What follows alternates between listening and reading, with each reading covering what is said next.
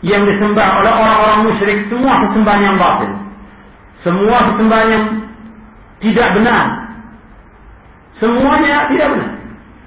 Makanya kita harus berlepas diri mereka. Wa anna ma yad'una min dunihi wal batil. Dan apa saja yang mereka sembah selain Allah itu semuanya batil. Makanya kita harus berlepas diri dari mereka. Artinya tidak boleh kita mencintai mereka, tidak boleh mendukung mereka, tidak boleh membantu mereka dalam berbuat syirik kepada Allah SWT. Karena kesyirikan merupakan dosa besar yang paling besar di muka bumi ini. Kezaliman yang paling berzalim dan kemungkaran yang paling mungkar. Makanya ingat, dalam Islam, kalau dia mengaku sebagai Islam, dia harus bersihkan dirinya dari kesyirikan. Kita semua wajib membersihkan diri kita dari kesyirikan.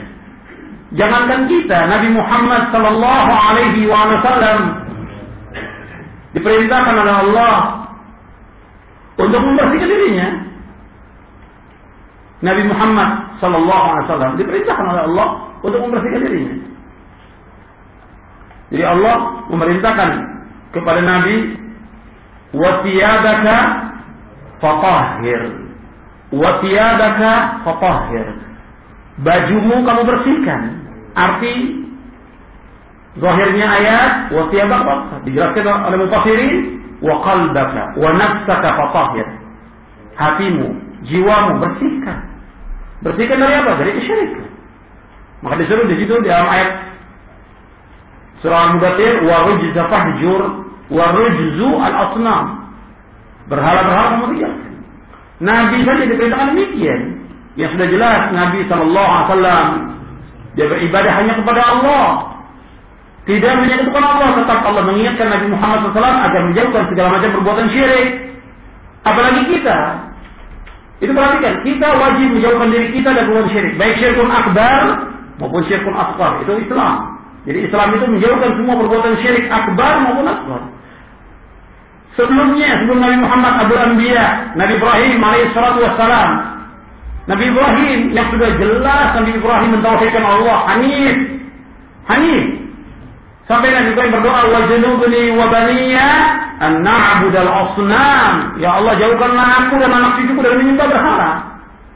Nabi Ibrahim minta kepada Allah agar jauhkan dirinya dan anak cucunya dari menyembah berhala. Bersembahan kepada Allah semua adalah batil.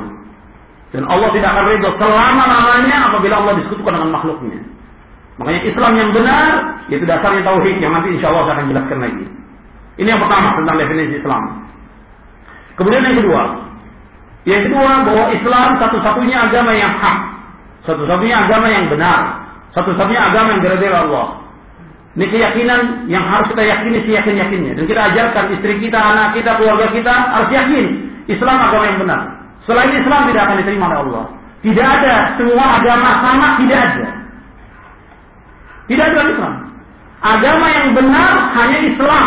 Selain Islam tidak benar. Selain Islam tidak diridhai Allah. Selain Islam tidak diterima Allah. Dasarnya apa? Allah berfirman, Inna dina indallahil Islam. Sesungguhnya agama yang diterima Allah agama Islam. Allah berfirman juga dalam surah Ali Imran ayat 85, "Wa may yabtaghi ghairal islami dinan falan yuqbala minhu wa huwa fil akhirati minal khasirin."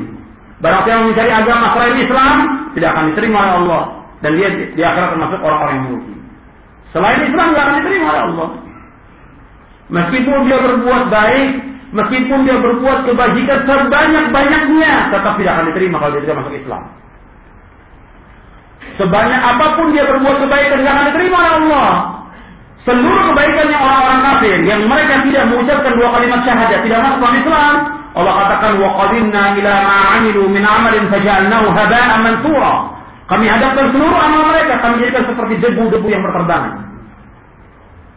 Gak ada nilainya insya Allah. Enggak ada Islam liberal Islam tidak ada. Satu-satunya agama yang Islam.